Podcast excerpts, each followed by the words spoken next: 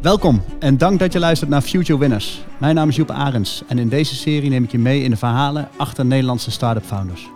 Welk idee vormde de basis voor een start-up? Welke uitdagingen zijn ze onderweg tegengekomen? En hoe helpt het oplossen van die challenges om met hun scale-up de wereld te veroveren? Ik spreek vandaag twee neobrokers, als ik jullie zo mag noemen, die het Europeanen zo makkelijk mogelijk willen maken om te beleggen. De CEO en CRO van online beleggingsoplossing Bux. Dat doen we vanuit Amsterdam, recht tegenover Artis. Dus de apen en flamingo geluiden vliegen je om de oren vandaag. Welkom Jorik, Egbert. Heel gaaf dat jullie er zijn. Tijd willen vrijmaken voor deze podcast. Ik bedoel, Bux is uh, een van de toonaangevende bedrijven uh, die wij vinden passen bij Future Winners. Veel impact in de markt, zowel de bestaande markt als een voorbeeld voor veel andere startende bedrijven. Dus heel gaaf dat jullie uh, een uurtje bij ons kunnen zijn. Om te starten, misschien voor degenen die jullie nog niet kennen, een korte, korte introductie. Egbert. Ja, uh, dankjewel uh, Joep. Ten eerste uh, dank voor deze introductie. ik voel me in ieder geval, wij voelen ons in ieder geval gevleid.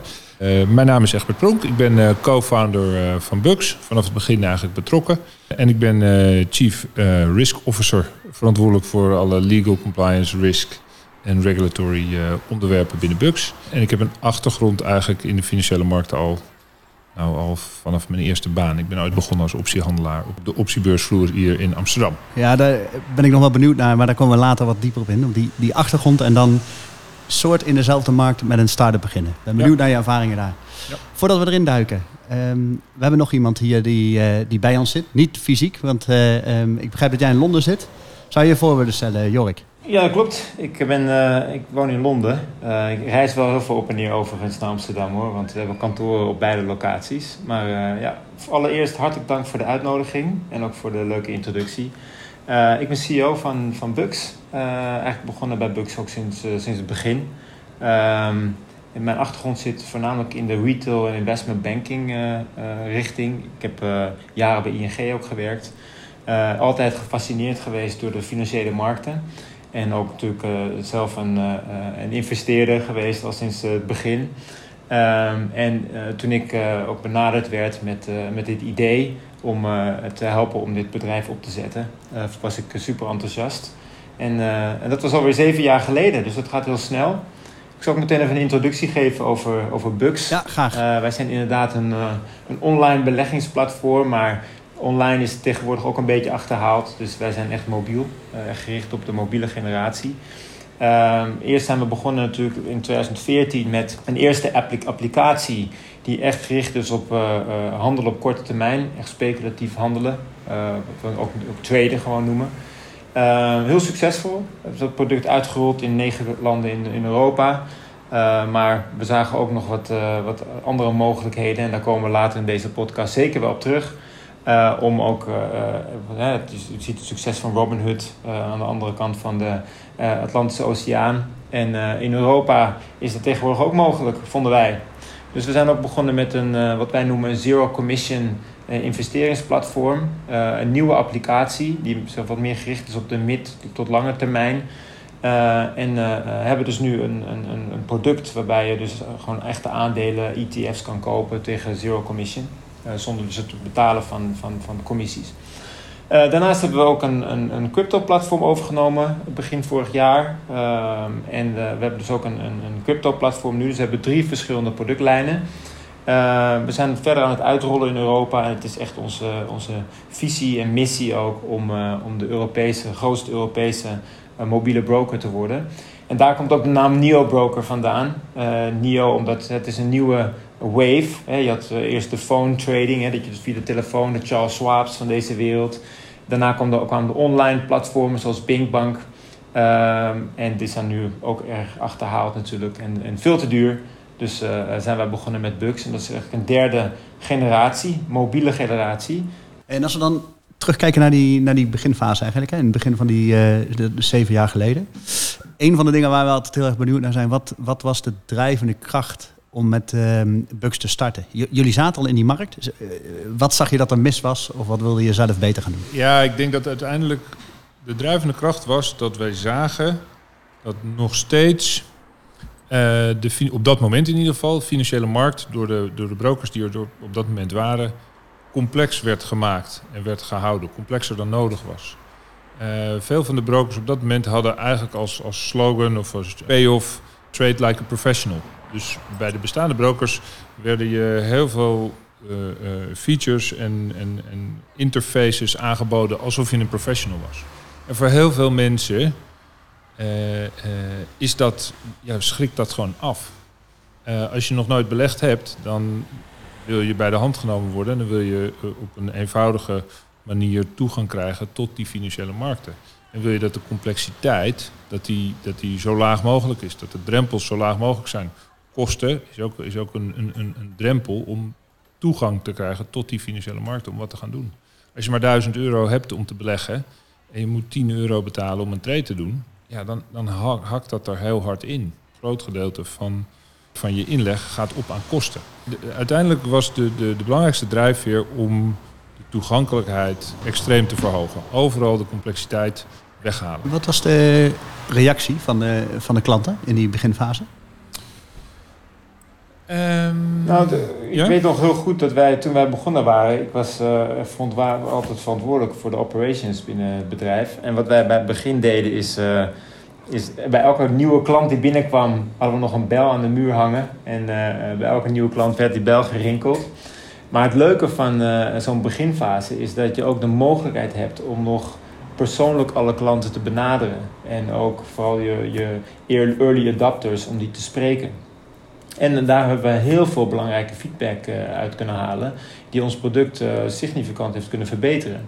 En ik denk dat dat, als je groter wordt, wordt dat steeds moeilijk. In de beginfase dat heel goed te doen, maar het was duidelijk dat wij toch een redelijk gat in de markt gevonden hadden. We werden echt met open armen werden we ontvangen. En het kostenverschil is één aspect. Overigens was dat al een heel belangrijk aspect. Het kostenverschil is, is bij ons in vergelijking met de traditionele uh, handelshuizen is, is dat echt gigantisch. Uh, vooral als je wat meer actiever handelt. Um, maar daarnaast, waar het voornamelijk voor klanten om ging, is gewoon de simpelheid van, het, van, de, van de, de user interface, zoals wij dat noemen. Het gebruiksgemak, de toegankelijkheid, uh, geen jargon gebruiken. Mensen zagen gewoon, snapten gewoon wat ze deden.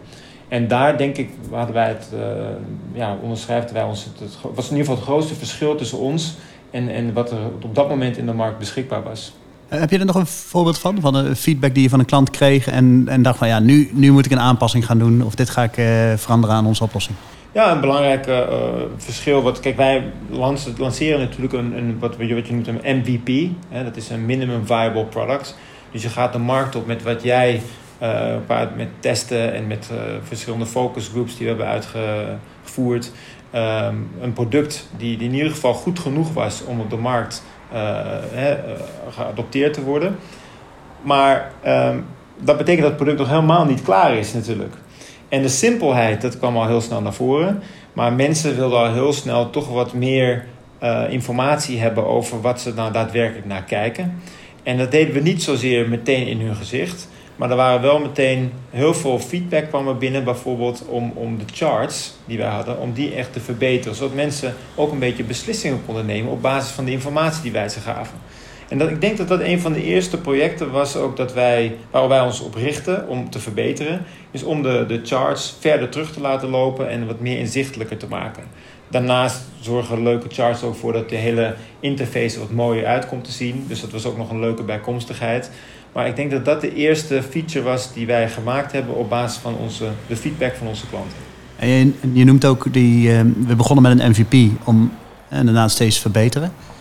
Wat ik merk bij veel van de partijen waar ik mee spreek, is dat ze ehm, starten met een MVP is uh, heel goed en, en is goed, maar het, het pinpointen van het moment dat je zegt van ja, nu, nu is het goed genoeg om te gaan schalen. Of nu merk ik van hé, hey, ik zit op dat kantelpunt dat ik een beetje uit die MVP-fase kom en dat het het gaat lonen om grote campagnes in te gaan zetten, zeg maar het schalen echt te gaan beginnen.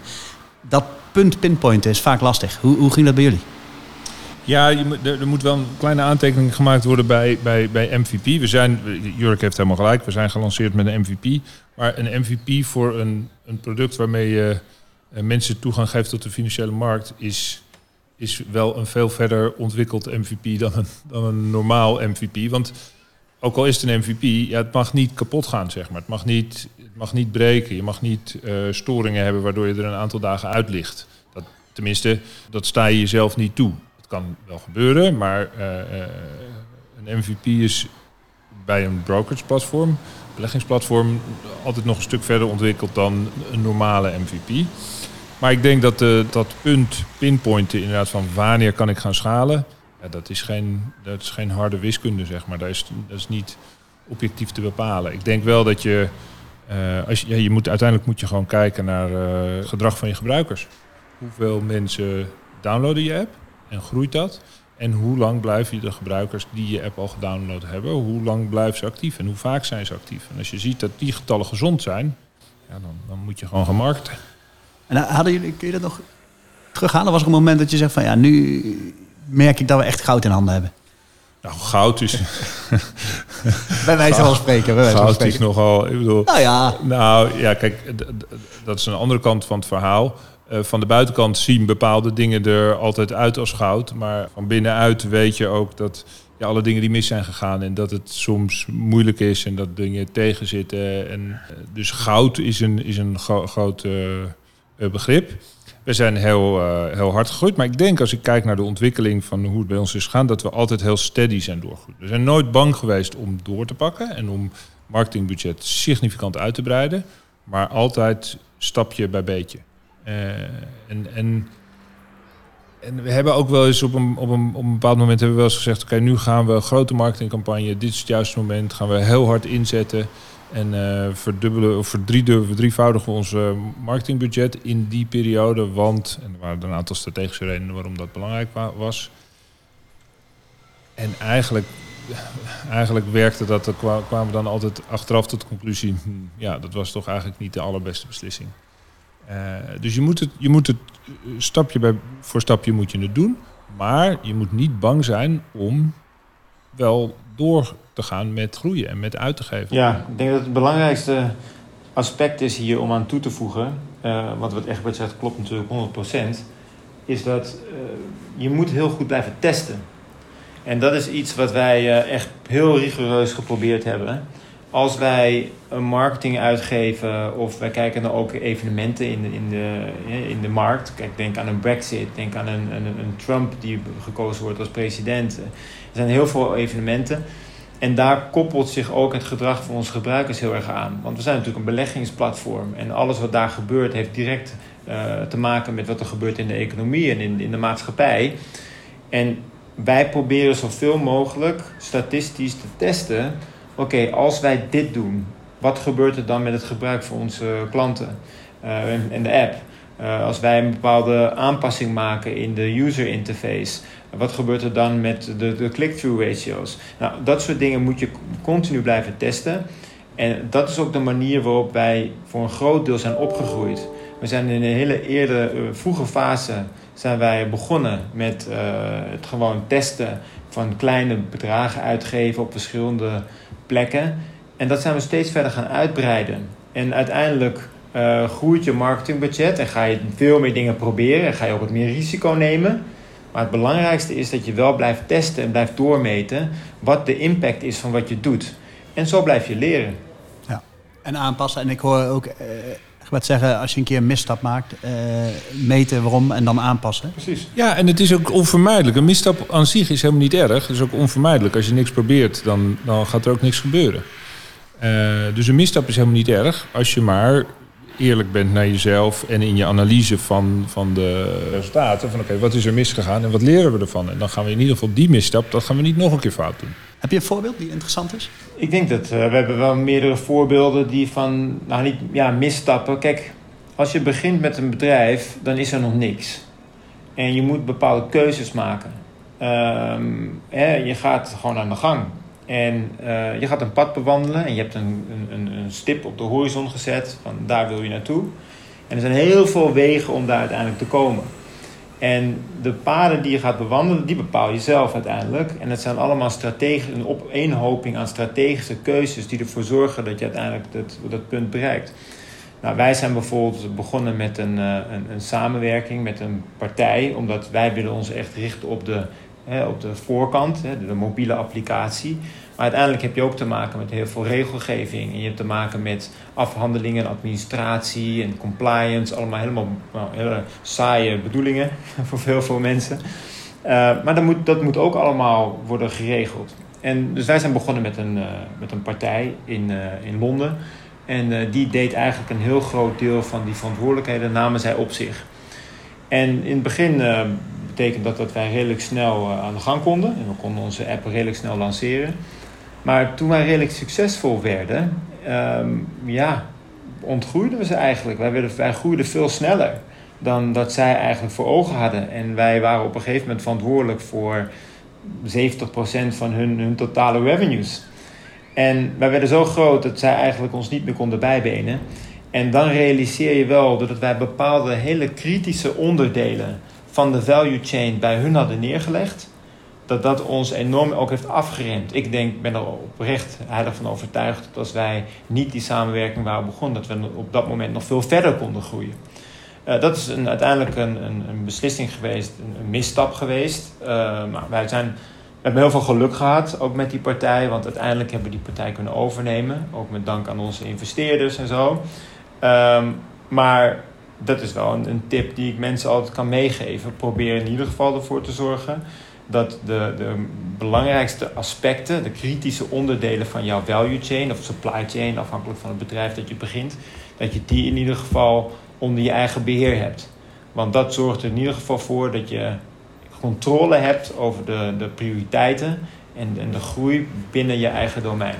Tip. En wanneer liepen jullie daar tegenaan? Was dat vrij erg in het begin of is dat recentelijk dat zoiets nee, speelt dat dan? was eind, eind 2018 merkten we dat we met die partner dat we dat we klem kwamen te zitten. En dat wij, dat wij bepaalde dingen wilden uh, uh, die voor ons heel belangrijk waren. En dat zij eigenlijk niet thuis gaven. En um, nou, toen, toen ging het financieel gezien bij hun ook niet fantastisch. Uh, en toen kwam de opportunity, de mogelijkheid om eigenlijk het, het gedeelte van dat bedrijf waar wij mee samenwerkten, om dat over te nemen. En dat hebben we in de zomer van 2019 is die transactie geclosed. Dat is ook wel iets wat, wat speelt bij andere bedrijven. Hè? Dat ze zeggen van er is een, een deel waar onze expertise uh, vanzelf ligt of waar we vandaan komen. Dan zeggen jullie ook eigenlijk de, eigenlijk de voorkant. Maar, maar die andere onderdelen in de value chain die cruciaal zijn voor onze performance eigenlijk als bedrijf. Dan moet je dus zorgen dat je daar voldoende grip op hebt. En in jullie geval was dat het overnemen van dit bedrijf. Als je naar je bedrijf kijkt, dat je je af moet vragen: oké, ik werk met een aantal partners samen. Er is geen, geen bedrijf die alles helemaal in zijn eentje doet. Iedereen werkt voor bepaalde onderdelen van zijn, van zijn bedrijf samen met, met partners. Je moet je afvragen van al die partners: oké, als hij wegvalt, om wat voor reden dan ook, wat gebeurt er dan met mij? En als, als, als dus een van die partners zo kritisch is dat als hij wegvalt, dat jij, dat jij ook stilvalt ja, dan moet je even op je hoofd gaan krabben. Ja, het, is niet, het, is niet, het is geen rocket science. Maar, maar je wel dat, scherp opzetten. Maar dat, dan moet je in een vroeg stadium moet je dat wel uh, op bedacht zijn. En, en, en het moeilijke is dat je niet altijd de tijd hebt om voor elke partner een alternatief ook al klaar te hebben staan. Want ja, je bent aan het groeien en je bent, je bent vooruit aan het kijken. En je bent niet met, met, met al die scenario's bezig van ja, wat er allemaal mis kan gaan. Uh, maar dat moet je toch doen. Daar moet je toch echt tijd aan besteden. En, en, en als het even kan, uh, ja, de, de, de, de, de, die dingen die een kritische partner doet, zelf doen. Ja. En dan, eh, want dat is, dat is een ander onderwerp. Hè? Je bent nu niet bezig met de scenario's waar het allemaal mis kan gaan. Uh, zeker in de eerste fase zal de focus vooral gelicht hebben op lanceren, zorgen dat we succes worden. Um, terwijl je groeit, ontwikkel je ook van, van charmante nieuwe speler naar gevestigde naam. Waarbij ook de buitenwereld en, en de financiële wereld natuurlijk ook de autoriteiten uh, hoge eisen gaan stellen aan compliance, risk, continue kwaliteit. Klanten worden veel eisender over het algemeen naarmate je groter wordt en een grotere groep aanspreekt. Hoe ging dat bij jullie? Wanneer is het moment dat je zegt, ja, we moeten nu echt goed bijschakelen aan die compliance kant? En uh, ik snap natuurlijk dat in de finance dat een specifiek geval is waarbij je in je MVP dat al grotendeels in moet hebben. Ja.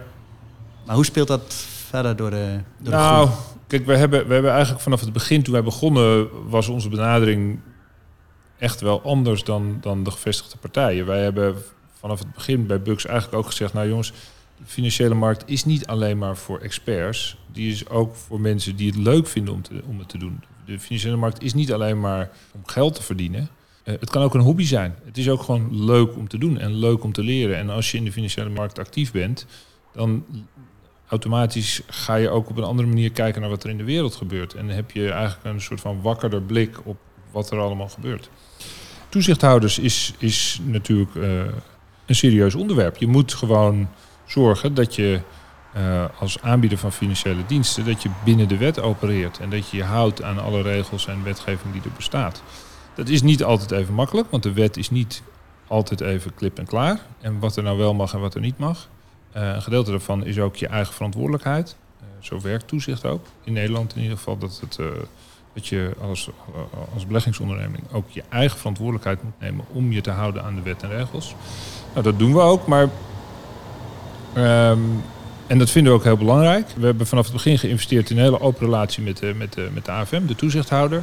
Altijd contact met ze gezocht voor de plannen die we hadden om het met ze te, bespreken.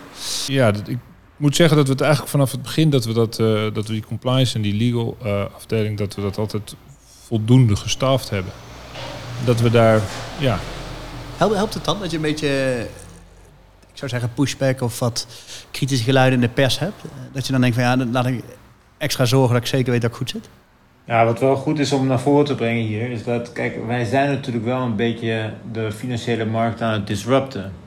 Dus je komt in de media naar voren, uh, maar ook de manier waarop wij het aanbieden, ook via mobiel, um, toch heel toegankelijk. Um, dat is toch redelijk nieuw. Um, en je ziet bijvoorbeeld ook in de, in, bij, bij, bij andere partijen die mobiele applicaties lanceren, dat er toch altijd maar een beetje met, met bepaalde ogen naar gekeken wordt van hm, hoe gaat dat nou eigenlijk en hoe ontwikkelt zich dat nou precies. Dus dat is bij de toezichthouder niet anders. Uh, en daardoor vonden wij het heel belangrijk om in een heel, heel vroeg stadium dus al vroeg contact met hen op te nemen en onze plannen te bespreken. Ik denk uiteindelijk, uh, ik ben van mening, en Egbert denk ik is ook van mening, dat beleggen eigenlijk een must is geworden voor iedereen. En dat is natuurlijk ook een beetje een mindset die nu steeds meer gaat leven in de maatschappij. Ook bij de toezichthouders daarmee. Want je krijgt geen, weet je, geen rendement meer op je spaarrekening. Sterker nog, als je geld op je spaarrekening nu laat staan, dan ga je er financieel op achteruit. Want de inflatie is hoger dan de rente die je krijgt daarop. Uh, als je al rente krijgt. Um, weet je, er zijn heel veel andere manieren om hopelijk geld te verdienen. Uh, maar van jouw eigen kapitaal is eigenlijk beleggen, is historisch gezien nog steeds de beste manier om gewoon een, een goede yield en een goede, het goed rendement te krijgen. En daardoor vinden wij dat, dat, dat mensen op dit moment met deze lage spaarrente en met you know, het pensioenstelsel wat we op dit moment hebben, waarbij er een enorm gat zit uh, tussen wat, uh, wat er eigenlijk in het pensioenstelsel zou moeten zitten en wat er uiteindelijk nu betaald moet worden, ja, dan is beleggen, moet, moeten mensen eigenlijk een, een, een, het eigen, in eigen hand nemen en is beleggen de manier waarop mensen dat kunnen voor elkaar kunnen krijgen. En nu gelukkig heerst dat, dat, dat over die overtuiging heerst ook wat meer. Uh, waardoor je merkt dat, dat eigenlijk wij meer support ook krijgen. Maar in de beginfase was dat zeer zeker niet zo. Ik herken heel erg wat je zegt. Dus is, het is van misschien dat het vroeger meer een, een, een spel of een hobby was. Is het nu bittere noodzaak. En dus juist belangrijk dat iedereen daar toegang tot heeft. En niet alleen de happy few die er toevallig uh, voor doorgeleerd hebben. Nee, nee, klopt. En misschien is wel het beste voorbeeld als je, als, je, als je zo rond de 40 bent en je vraagt aan aan tien van je vrienden of ze beleggen. Nou, dan, dan denk ik dat ongeveer, uh, laten we even zeggen, dat drie zeggen ja, dat doe ik. En die andere zeven, daarvan zijn er minimaal vijf die zeggen ja, nee, dat doe ik niet, maar zou ik eigenlijk wel moeten doen. Ja. En, en, en, dan, en dan, is de vraag, stel... en, en, dat, dat is onder hoogopgeleide niet heel erg veel anders. Dus, dus de helft van de mensen vindt dat ze het eigenlijk zouden moeten doen, op hun veertigste dan, hè. Maar waarom doen ze niet? Ja, als je dan aan ze vraagt waarom doen ze het niet? Ja, ik ben er eigenlijk gewoon nooit aan begonnen. Dus als je dat vertaalt is, de hordes in het verleden zijn te hoog geweest. En dat ligt aan kosten, maar dat ligt ook aan complexiteit. Hè? Hoe, hoe, toegankelijk is het? Hoe makkelijk is het om te beginnen? Hoe, hoe goed word je bij de hand genomen? En wat wij bij Bux eigenlijk voor elkaar gaan krijgen, we willen het krijgen, we gaan het ook voor elkaar krijgen, dat over twintig jaar dat die situatie niet hetzelfde is zoals het nu is. Ja, over twintig jaar, al die mensen die dan 40 zijn, zeggen... ja, daar ben ik op een gegeven moment ben ik daarmee begonnen. 50 euro per maand, desnoods. Hè. Het gaat niet om het bedrag. Het gaat erom dat mensen... eh, dat het een gewoonte wordt. Dat het een, een, een normaal patroon wordt in de dingen die ze doen. Ja, want als jij het hebt over 40, dat zijn in het begin van het eh, interview zeiden jullie van de oude markt, noem ik het maar even, die had het juist heel erg gericht op professionals en complex gemaakt. Dus deze mensen zijn ook, eh, nou ja, die hadden toen moeten beginnen eigenlijk, als je kijkt naar je pensioen. Maar die hebben de boot gemist omdat het dus complex was gemaakt. En dat, dat Ja. proberen jullie voor de volgende generatie anders Ja, en begrijp me niet verkeerd. We, eh, eh, eh, we, we denken dat er onder 40-jarigen ook heel veel mensen zijn die klant willen en kunnen en moeten worden bij Bucks. Eh, dus het is, echt, het is echt niet zo dat, we, dat, we, dat onze app een soort van Instagram is. Trouwens, 40-jarigen zitten ook allemaal op Instagram.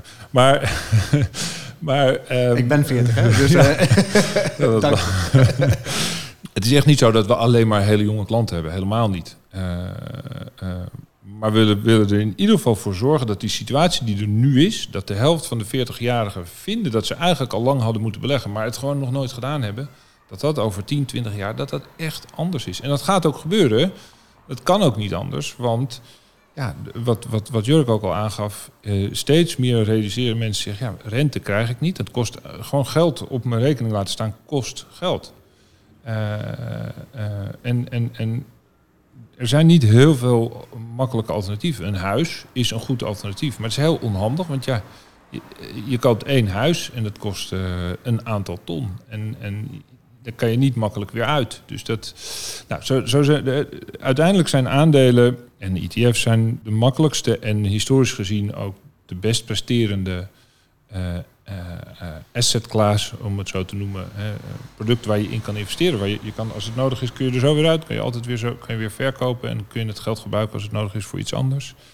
En mensen moeten daar gewoon aan beginnen. En dat doen ze ook. Hè. Eh, Het is niet alleen maar dat wij hier als een soort van Don Quixote staan te roepen. Dat doen ze ook. Eh, dat zie je aan de, aan, eh, aan de aantallen klanten, jonge mensen, maar ook, ook eh, middelbare klanten die nu rekeningen openen. Niet alleen bij ons, maar ook bij andere brokers. Aan de volumes op de beurs en, en de aandacht ook die er in de pers is. Nou, dan hebben we het over, over dat het pensioenstelsel niet houdbaar is, zeg maar, over 20 jaar. hebben we het dan nog even, even niet gehad, maar dat, dat komt er ook nog bij. Die is heel helder, hè? Dus hoe het ook een... e- Eigenlijk deels door de omgeving, wetgeving, maar ook hoe het financiële systeem in elkaar zit, dat het ook echt een belangrijke maatschappelijke functie heeft. Beleggen en een toegankelijk maken voor een brede groep. Of meerdere generaties in dit geval. Of beide. Ehm, als we weer even iets meer inzoomen op, eh op Buck zelf ehm, en de groei die jullie hebben doorgemaakt. Je ziet ehm, gestart in Nederland en dan gegroeid naar, een- naar een aantal landen. Eh, waar we heel benieuwd naar zijn is, is ehm, hoe dat proces gegaan is. En vooral, hoe zet je nou een goede groeistrategie op en hoe kies je nou de, de landen waar je heen wil groeien en de volgorde daarvan? Misschien Jorik, Ja, ja, dat iets is over. een, Ja. een best een, een flink proces eh, geweest natuurlijk. Want het is, het is, daar moet je wel goede analyses voor doen. Eh, helemaal in Europa. Ehm, en mensen die realiseren zich eh, steeds meer dat Europa is niet één land. Hè. Het is niet eh, zo dat, dat als jij succesvol bent in Nederland, dat je automatisch ook succesvol bent in Duitsland bijvoorbeeld. Sterker nog, je moet helemaal weer opnieuw beginnen. Eh, de cultuur is anders, de taal is anders, maar ook hele operationele dingen zijn anders. Denk aan de, de ID-documenten die gebruikt worden, of aan de betaalmogelijkheden, of aan het belastingstelsel. Er zijn heel veel dingen die echt per land verschillend zijn. Nou, het begint natuurlijk altijd met een, eh, een beoordeling van eh, het land zelf. Hè. Hoeveel, eh, denk aan simpele dingen zoals smartphone penetratie. Denk aan de, de, de wealth, hè. dus hoe, hoe rijk zijn mensen in die landen. Hoeveel kapitaal is er beschikbaar om te, te be- belegd te worden. Hoe groot is eigenlijk die doelgroep? Hè. Vooral de jongere doelgroep, de, de young professionals, zullen we maar zeggen die op het moment dus eh, echt slechter af zijn door, door de economische situatie. Eh, nou, daar ga je naar allemaal macro-economische aspecten kijken. En vervolgens ga je kijken naar alle micro-aspecten. Dan heb ik het dus over wat ik net be- benoemde. Alle specifieke aspecten die je moet bouwen en die je moet maken om in het land live te kunnen gaan. Nou, dan vervolgens ga je eh, aan de slag.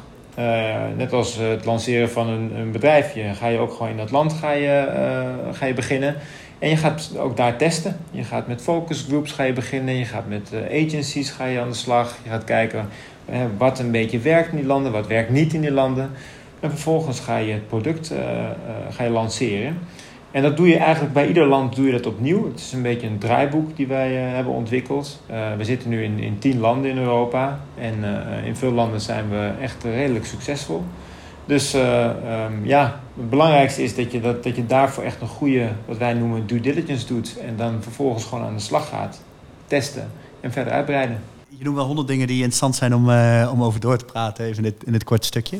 dat snap ik. Misschien even dat, dat ja, dat is een mooi onderwerp. Misschien even dat, dat, dat eerste stuk, hè. Je, uh, hoe, over uitzoeken in het land, hoe zit het met, die, je noemde een paar dingen, hoe zit het met uh, doelgroep uh, young professionals, hoe groot is hij uh, digitaal, hoe digitaal zijn ze, al dat soort dingen. Um, ja. Hoe moet ik dat voor me zien? Hoe, hoe praktisch moet ik het voor me zien? zitten jullie per land dat gewoon op te zoeken, te turven, zeg maar, en, en scores te geven? Of hoe werkt nou, het in de praktijk? Hebt, je hebt heel veel gegevens beschikbaar. Hè? Helemaal in Europa, vooral West-Europa overigens, hebben we heel veel statistische kantoren waar je ook gegevens en macro-economische gegevens kan, kan, kan kopen en kan inzien ja, eh, als je het heel high level neemt, is het echt geen, geen rocket science. Want uh, automatisch weet je bijvoorbeeld dat een land als Duitsland, ja, die hebben gewoon heel veel inwoners. En daardoor is de doelgroep ook redelijk groot. Dus uiteraard ga je eerst kijken naar een land als Duitsland voordat je naar een land als Luxemburg gaat kijken. Want die weet de moeite om uiteindelijk een product te lokaliseren. In de lokale taal, met de lokale belastingen, et cetera, et cetera daarvan weet je dat dat uiteindelijk een, een rendabele onderneming moet zijn. Dus de grotere landen zijn wat dat betreft de logische, uh, uh, weet je, de, de, landen waar je als eerste heen wilt. Maar dan is nog steeds de vraag, oké, van ook die grotere landen, welke landen zijn dat dan? Uh, en wij hebben uiteindelijk gekozen bijvoorbeeld om met ons product redelijk snel naar Duitsland te gaan. niet alleen omdat het dichtbij is, maar omdat het land heel groot is, heel wealthy is enorme smartphone penetration heeft. Uh, ook wel wat investment savvy heeft, is. Problemen ook met de savings uh, rate heeft. En op dit moment, nog steeds overigens, dat zou je niet verwachten van Duitsland. Maar Duitsland is een beetje onderontwikkeld op, uh, op bankinggebied. Als je het puur hebt over betalingen en dat soort dingen, loopt een beetje achter. Dus het is rijp om, om een beetje disrupt te worden. Nou, en dat heeft uh, uh, zeker heel veel succes uh, gecreëerd voor ons, want we zijn in Duitsland redelijk groot geworden. Maar ik denk dat, dus, dus is allemaal waar wat Jorik zegt, dat is onze situatie. Ik denk dat elk bedrijf aan zich moet, de eerste vraag die zich moet stellen is, past het wel bij mijn product of bij mijn bedrijf om inderdaad internationaal te gaan? En wil ik het ook wel? Want elk, wij hebben eigenlijk vanaf het begin stond voor ons vast, we willen naar het buitenland en we gaan naar heel Europa. De enige vraag is wanneer en hoe. Uh, maar voor ons stond vast dat we bij ons product en hoe wij beleggen aanbieden, omdat, hè, omdat wij een hele lage kostenstructuur hebben voor de klant, verdienen wij relatief weinig aan een klant en hebben we dus schaalgrootte nodig om het, om het om het model te laten werken. Uh, dat gekoppeld met het, met het feit dat wij de opportunity zagen in heel Europa, uh, was voor ons de conclusie redelijk duidelijk. We gaan naar heel Europa. De enige vraag is wanneer en hoe. Maar dat is voor elk bedrijf is dat anders. En, en het is helemaal niet zo dat, dat de heilige graal is... nou, je moet in heel Europa actief zijn. Dat verschilt, van je, verschilt per bedrijf. En ook wat je zelf wil. Heb je er wel zin in? Elk land, wat Jurk ook al aangaf... moet in principe opnieuw veroverd worden. Niets gaat, niets gaat automatisch of vanzelf... Uh, Helaas. Dus, Soms. Nee. Dus, dus elk land moet opnieuw veroverd worden. En moet je tijd en moeite instoppen en moet je in investeren. En um, uh, ik denk dat het allerbelangrijkste dat je voor jezelf eigenlijk als eerste bepaalt... wat wil ik? En wat is er voor mijn bedrijf nodig? En dan vervolgens de keuze van... oké, okay, en naar welk land ga ik? Als ik inderdaad naar meerdere landen wil, naar welk land ga ik eerst? Nou, dat, ga je, ga je goed over nadenken, ga je project van maken. Wij hebben het gedaan zoals, uh, zoals, zoals Jurk het aangaf, omdat wij massa producten hebben en afhankelijk zijn van ja, heel veel mensen moeten die app downloaden en moeten een account openen. Dus dan ga ik inderdaad kijken naar wat Jorik zei van um, gemiddelde inkomen, nou, dat soort dingen allemaal. Maar voor een, voor een ander bedrijf kan dat heel nuttig zijn om op een andere manier die keuze te maken van naar welk bedrijf of naar welk land ga ik eerst. Dus dat, ik denk dat het echt begint bij die strategische keuze van past het bij mij en mijn bedrijf en wil ik het? En als, als ik dat helder heb, dan is de vraag hoe. Nou, dan moet je gewoon voor gaan zitten. En moet je goed over na gaan denken en met je collega's eh, de manier vinden. Waarbij het in jullie geval zelfs zo was dat het eigenlijk kijken naar het businessmodel onvermijdelijk is dat je een keer zeg maar, die schaal moet krijgen. Ja. En dan eh, vandaar dat het heel logisch is om naar het buitenland te gaan. Ja. Vanaf dag één eigenlijk al een eh, helder dat het een. Ja, maar het is twee dingen. Hè? Het is wat past bij mijn, bij mijn bedrijf en bij mijn product. En het, is, het andere ding is ook, wat past bij mijn ambitie? Wat wil ik eigenlijk? Wat wil ik nou eigenlijk? Wil ik marktleider worden in Europa? Of, heb ik, eh, of, of vind ik het heel fijn om gewoon eh, lokaal in Nederland een heel... Net zo waardevol, hè? Er zit geen waardeoordeel aan, maar wat, wat is mijn ambitie? Wat wil ik eigenlijk voor elkaar krijgen? En hoe is dat bij jullie? Wat, wat wil jij? nou ja, dat heeft Nick. Dat stond eigenlijk vanaf het begin eh, stond dat voor ons al vast. Wij hebben een hele hoge ambitie, dus wij willen in Europa marktleider worden. En dat, dat, dat, dat zei eh Jorik eh, ook al. En ehm, eh, En waar, waar komt die drive vandaan? Waar- Overigens mag ik als ik hier in mag springen, mijn Ja. ambitieniveau is zelfs nog hoger hoor. Ik denk dat Europa een hele interessante markt is. Maar dat we uiteindelijk ook eh, globally een, eh, een, een dienst kunnen leveren. Ik denk dat als je puur kijkt naar het product wat wij gebouwd hebben. En de, de, de simpelheid en de toegankelijkheid van het eh, beleggingsplatform wat wij nu hebben. Dat dat niet alleen binnen Europa heel erg eh, succesvol gaat zijn, maar ook daarbuiten. En op dit moment eh, eh, is Europa een heel logische speel, logisch speelveld. Omdat je te maken hebt met regelgeving die toepasselijk is voor, voor heel Europa. Hè. Je hebt bijvoorbeeld, eh, kun je gebruik maken van een Europees paspoort, waardoor je redelijk snel in Europese landen je diensten kunt aanbieden. Maar ik denk ook dat het heel interessant is om op een gegeven moment buiten Europa te kijken. En ik zit al met een schuin oog ook te kijken naar andere markten, uiteraard. maar het waarom? Ja, waarom? ja, ja.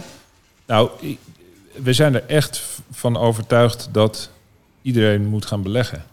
En we denken ook dat er op dit moment in Europa heel weinig plekken zijn waar je dat op een, op een fatsoenlijke manier kan doen. Waarbij je als, als beginnende belegger, eh, eh, eh, waar het je makkelijk wordt gemaakt. Waar, waar de hordes laag zijn, laat ik het even zo zeggen. De toegangsbarrières. Ja. En ja, dat moet gewoon mogelijk worden gemaakt en dat gaan we doen. Dus ja. Nog even terug naar die groei, of nou terug, we zitten nog bij die groei. Als je dan kijkt naar, naar die, het, schade van landen. eh, waarschijnlijk eh, gaan er een aantal dingen gaan eh, boven verwachting goed. Dat is gaaf. Een aantal dingen die gaan vallen tegen. Daar heb je wat slims op moeten verzinnen.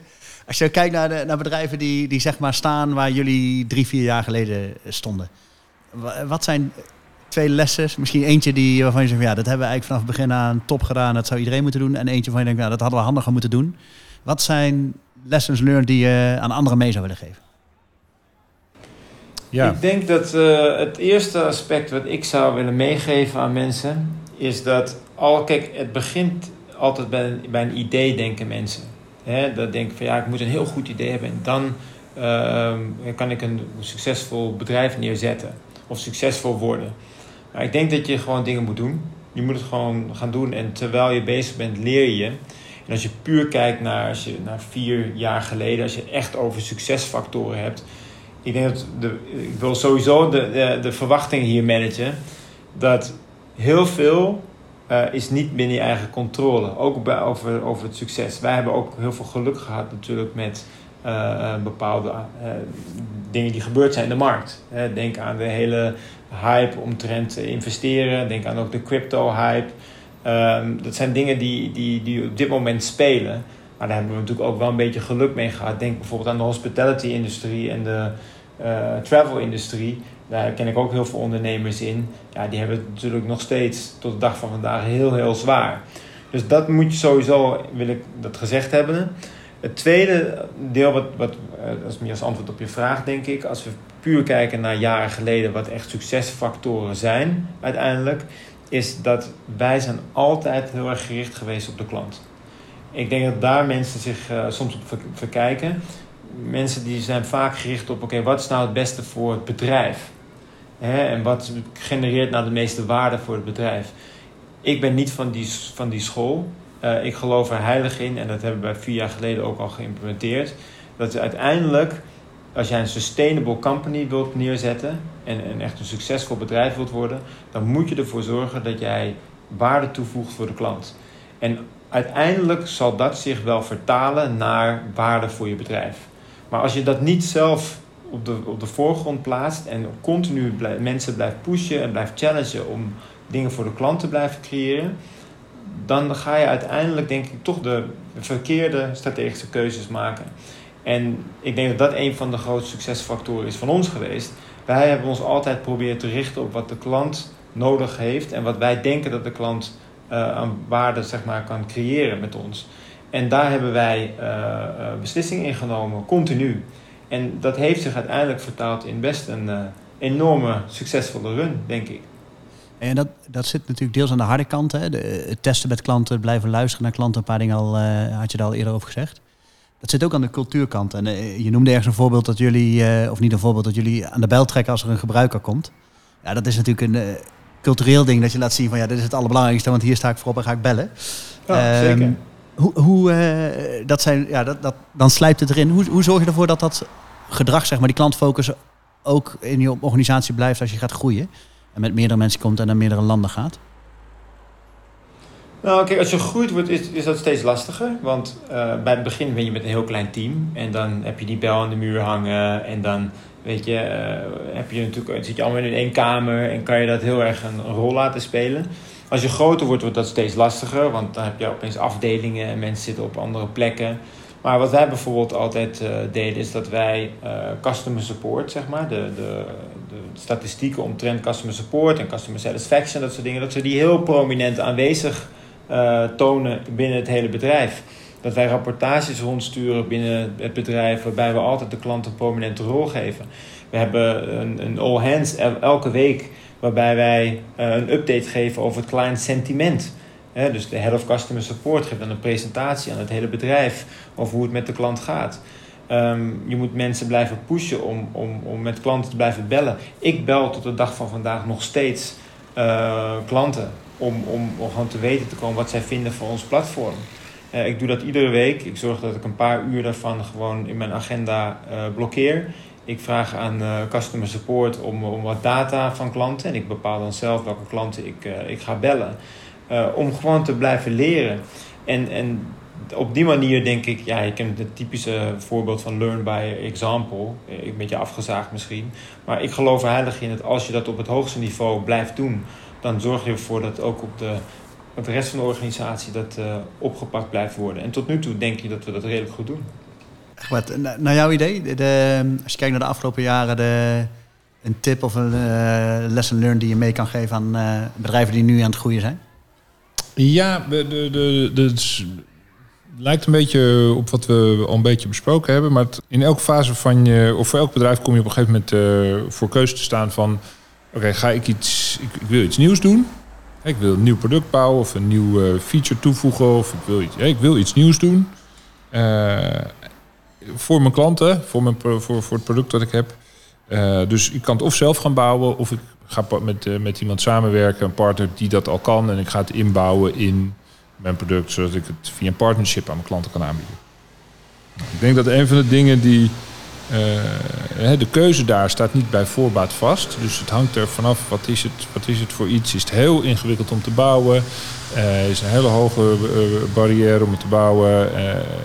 dan, dan is, en is het niet een kritisch onderdeel van je, van, je, van, je, van je product? Nou, dan is het waarschijnlijk, zul je met iemand gaan partneren. Want anders is de investering gewoon te hoog om het zelf te doen.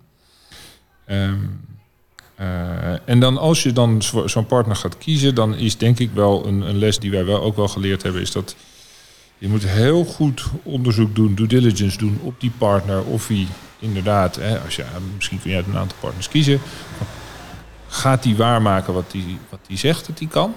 Uh, dus dat, daar moet je echt tijd aan besteden. Um, en het loont ook de moeite om, als je moet kiezen uit verschillende partijen, om het altijd te doen met een partij die het al heeft. Als het voor die partner ook nieuw is en hij zegt, nou, ik heb wel dit, dat lijkt er heel erg op en ik ga dit dan voor jou bouwen. Hmm. Is risky. Ja, ja, ja. Als het voor hem ook nieuw is, dan weet je namelijk niet hoe, wat zijn prioriteit is. En als het tegen zit, gaat hij er dan wel, gaat hij het dan wel echt wel afmaken? En gaat hij doen wat je, wat je afgesproken hebt of niet? Of blijkt het voor hem in de praktijk toch moeilijker te zijn dan hij gedacht had? Vaak praat je met verkoopmensen bij die partner. Nou, dat zijn die, die salesmensen zijn niet de mensen die het uiteindelijk gaan bouwen als het nog gebouwd moet worden. Eh, dus als je kan kiezen, kies dan altijd voor een partner die dat ding al heeft draaien. Ah, voor- Ja, dat- eh, het, het, het kunnen onderscheiden van verschillende partijen op dit gebied. En dat is misschien ook waar eh, Egbert net aan refereerde, die due diligence uitvoeren. Dat is echt niet iets wat je moet onderschatten. Wij hebben ook fouten gemaakt. Eh, we gaan partneren met partijen die uiteindelijk eh, zeggen dat ze het hebben. En allemaal ze eh, beloven je de wereld. En als puntje bij paaltje komt, dan eh, wordt er helemaal niets opgeleverd. En zijn andere prioriteiten. Ja, dat, dat zorgt er gewoon voor dat je enorm veel kosten maakt, maar ook dat je enorme vertraging oploopt als bedrijf. Dat moet je echt goed doen en niet onderschatten. goede tip. Want je ziet het nog wel eens gebeuren dat de, de verleiding of het enthousiasme van zo'n partij in de eerste fase, die, die het ook graag wil gaan bouwen, Ja. eh, mensen over de streep trekt. Dus jullie zeggen, eh, make sure, doe dit eens goed doen en eh, eh, ga voor de partij die het al gedaan heeft, niet degene die het gaat doen. Ja, ja. Dat is gewoon veel minder risico. Ja. En, en dat is wat Jorik zegt. Ja. Uiteindelijk draait het erom, als je, als je hard, wil, hard wil groeien, dan moet je niet te lang doen over het, over het aanbieden van nieuwe, nieuwe features, nieuwe producten, nieuwe dingen. Het moet niet, allemaal niet te lang duren. Want dan, ja, dan kun je geen andere dingen doen. Hey, Dit is eh, een differentiating factor. Je bent een speedboot. En Ja. je bent aan het eh, eh, battelen tegen de gevestigde orde, de traditionele banken en traditionele brokerage firms. Ja, als er één aspect is waar jij kan, je kan zelf kan onderscheiden, dan is dat dat je heel snel bent. En heel agile en, en heel snel nieuwe features kan deployen. Als je dan vervolgens beslis- beslissingen neemt die ervoor zorgen dat jij niet zo snel genoeg kan schakelen, ja, dan verlies je je edge. En dan ga je het ook niet winnen uiteindelijk. Over winnen gesproken en vooruitkijkend. De ambitie is nog lang niet op. En eh, jullie hebben natuurlijk een aantal grote milestones al, al achter je. Internationale schalen, eh, lancering van Bug Zero. Als je kijkt naar de komende periode, wat is een, een milestone die eraan zit te komen? Of eh, een, een ambitie die je nog hebt waar je naar uit aan het kijken bent? Echt Dat is een typische vraag voor een CEO.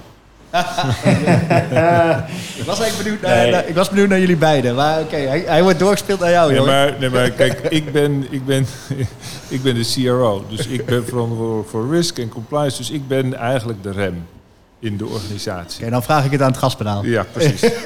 Jorik. Dat is zeker waar. Ik ben het gaspedaal en, en Egbert is inderdaad een beetje de rem van het bedrijf. Ik, eh, nee, ik, het belangrijkste milestone op het moment, eh, ik geloof heel erg in, eh, in, in ook in cryptocurrencies als, een, als, als, als asset class, waar mensen ook een deel van hun portefeuille in willen beleggen. Eh, we hebben het crypto platform opgekocht. Eh, dat is nu in stealth is dat actief. Eh, we hebben wel een flink aantal duizend klanten erop zitten, eh, zonder dat we dat echt gemarket hebben. Maar Ehm, nee, dat, dat moet gewoon worden toegevoegd in, eh, in, in, in de Bug Zero applicatie. eh, als echt een, een, een asset class waarin mensen kunnen, kunnen beleggen. Eh, dus dat willen we over een paar maanden willen we dat eh, echt hebben. Dus is echt een belangrijke milestone voor ons. Omdat dan zorg je dat je ehm, echt de cash equity, dus echt de aandelen aanbiedt.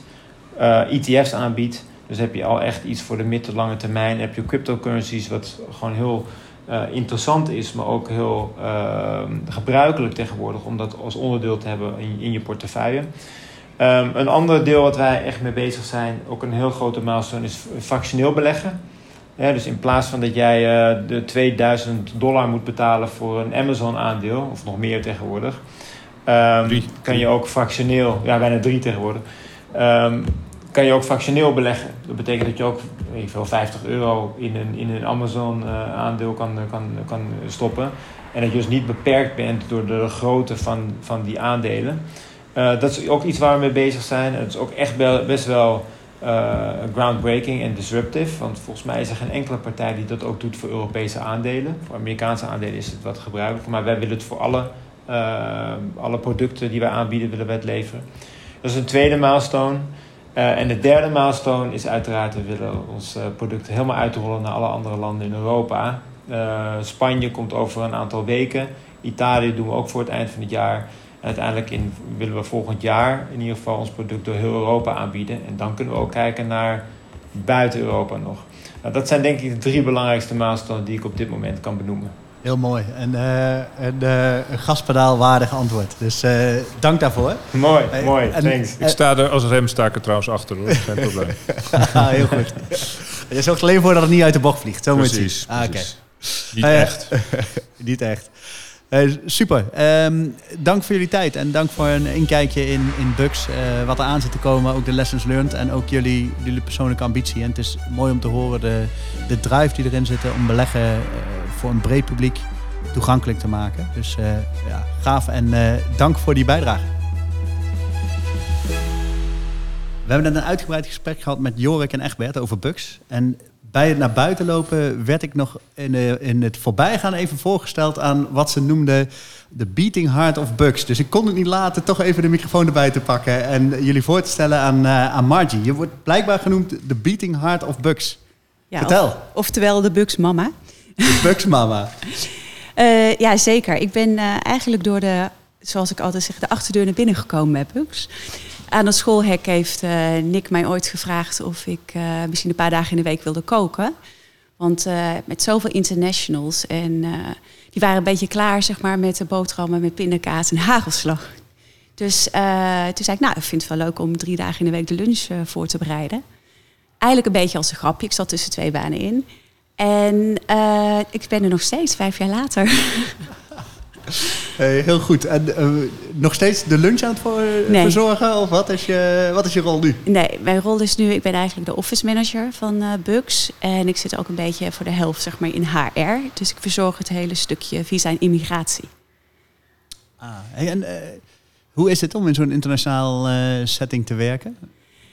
Ja, interessant. Dus uh, inderdaad ook, uh, ik moest eigenlijk een beetje de club bij elkaar halen. Uh, dat ze met elkaar gingen eten en ook ontspannen met elkaar ja, lol hadden. Een beetje naast het harde werkend opzetten van, van alles. nou, dat, dat deden we dus via die lunch, dat probeerde ik. En het liep een beetje uit de hand. Ik begon met salades en lekker broodje. En op een gegeven moment kwamen de lasagna's en uh, de buffetten op stokbrood. Ja, dus uh, om vijf voor twaalf stonden alle developers klaar in de rij uh, met hun bordje. En gingen voor de tweede ronde soms ook door. Het gerucht gaat dat iedereen graag met Bugs wil werken, maar dat de, de kilo's daar aanvliegen omdat de lunch gigantisch uit de hand loopt. Ja, ja dat, heeft, dat is natuurlijk een beetje minder geweest door coronatijd. We zijn heel erg blij dat we dit weer kunnen oppakken nu. We hebben nu Kok Flow. En die is deze week weer begonnen. En dat is uh, ook natuurlijk een, uh, ja, in een klein groepje uh, op afstand. Maar ja, het is al superleuk om weer te zien dat, ja, dat, dat de groep weer een beetje bij elkaar komt en weer gaat jellen. En als je. natuurlijk, we doen een beetje lacherig lunch, maar, maar lunch, de juiste cultuur, HR, talent aantrekken en behouden, cruciaal voor de groei, denk ik, voor Bugs. Absoluut, absoluut cruciaal. En uh, we hebben dus ook uh, vaak, we adverteren er wel mee eigenlijk, dat, uh, dat wij dit verzorgen. En dat is ook regelmatig gebeurd dat mensen de, nou ja, de, de job descriptie lezen, zeg maar, online. En dan inderdaad zien, drie dagen in de week, nu ondertussen vier dagen in de, in de week, krijg je lunch erbij. Tegen een klein bedrag. moeten natuurlijk de werknemers dat wel betalen, maar... Uh, ja, dat, uh, dat trekt wel aan. En zeker als het geen boterham is, maar uh, gewoon een lekkere warme hap. En want je hebt ook een rol bij HR, begrijp ik. Ja, dus ik verzorg vanaf het moment dat wij mensen aannemen vanuit het buitenland... alle stappen naar binnen, zeg maar, het onboorden. En zorgen dat ze zich thuis voelen. En, ja, dat vooral. Ja, ja, Dat, vandaar ook denk ik een beetje de mama-functie. ik zorg dat ja, ze eigenlijk ontzorgd worden bij die hele grote stap van het ene land naar het andere land toe. En, en als een echte moeder ben je op de hoogte van alle roddels die binnen het bedrijf spelen en ik zeg niks. ik mag niks zeggen. dat is ook een rol van de moeder natuurlijk. Het beschermen van de, Absoluut. Van de, van de mensen. Ja. ja, heel gaaf. En um, um, als jij, merk jij dan, dan hier op de dagelijkse werkvloer veel van de internationalisering, de groei die, die Bucks aan het doormaken is, de, de, de ups, downs, hoe dat allemaal gaat? Uh, ja, ups en downs. Uh, ik ben een heel positief ingesteld mens. Dus ik maak van alles zeg maar een soort van uh, positieve up weer. Um, en door de, ja, met de internationals, je merkt gewoon wel dat er steeds meer binnenkomen inderdaad. Steeds ja, moeilijker is het mensen te vinden in ons kikkerlandje. Uh, maar ik vind ik ook wel iets positiefs. Want uh, ja, de mensen zijn natuurlijk uh, geïnteresseerd om naar Nederland te komen. doen er alles voor om die job te krijgen. dus ja, we trekken gewoon ook hele goede, goede mensen aan. Veel van de bedrijven die we, waar we mee spreken, die we helpen, waarmee werken, die, die worstelen met het, ehm, het aantrekken en het behouden van mensen. Ja. Wat is de, de nummer één of misschien twee tips of ervaringen die jij uh, ze mee wil geven? En dat je denkt van, ja, denk daaraan en, uh, en je leven wordt makkelijker. Ja, je goede lunch. het is echt heel simpel. Mensen denken soms gewoon te moeilijk. Maar hetzelfde cultuur. Ik denk dat wij een hele fijne cultuur hebben bij uh, Bugs. we zijn allemaal professioneel, maar er mag ook gelachen worden. En we hebben ook onze feestjes en onze borrels en relaxe tijden ook tijdens de dag. Dat je even gewoon kan ontspannen. Uh, we hebben een pingpongtafel staan, uh, voetbaltafel. Je kan lekker bij ons in de tuin zitten. Er zijn allemaal wel, ja, er zijn factoren die wel meespelen uh, waarom een persoon voor jouw club gaat kiezen. en dat is niet zo moeilijk. Dat, is met, dat hoeft niet altijd met geld te zijn. Dat zijn gewoon eigenlijk ja, hoe maak je mensen het meest op hun gemak en comfortabel om hun werk te doen. Super, dankjewel. En uh, dank dat we je even konden wegtrekken en uh, deze laatste tips en tricks kregen. Graag Super. Gedaan. Dank voor het luisteren naar Future Winners. Een podcast van Deloitte in samenwerking met snelgroeiende scale-ups van eigen bodem. Ben je benieuwd naar de volgende Future Winners? Hou ons in de gaten.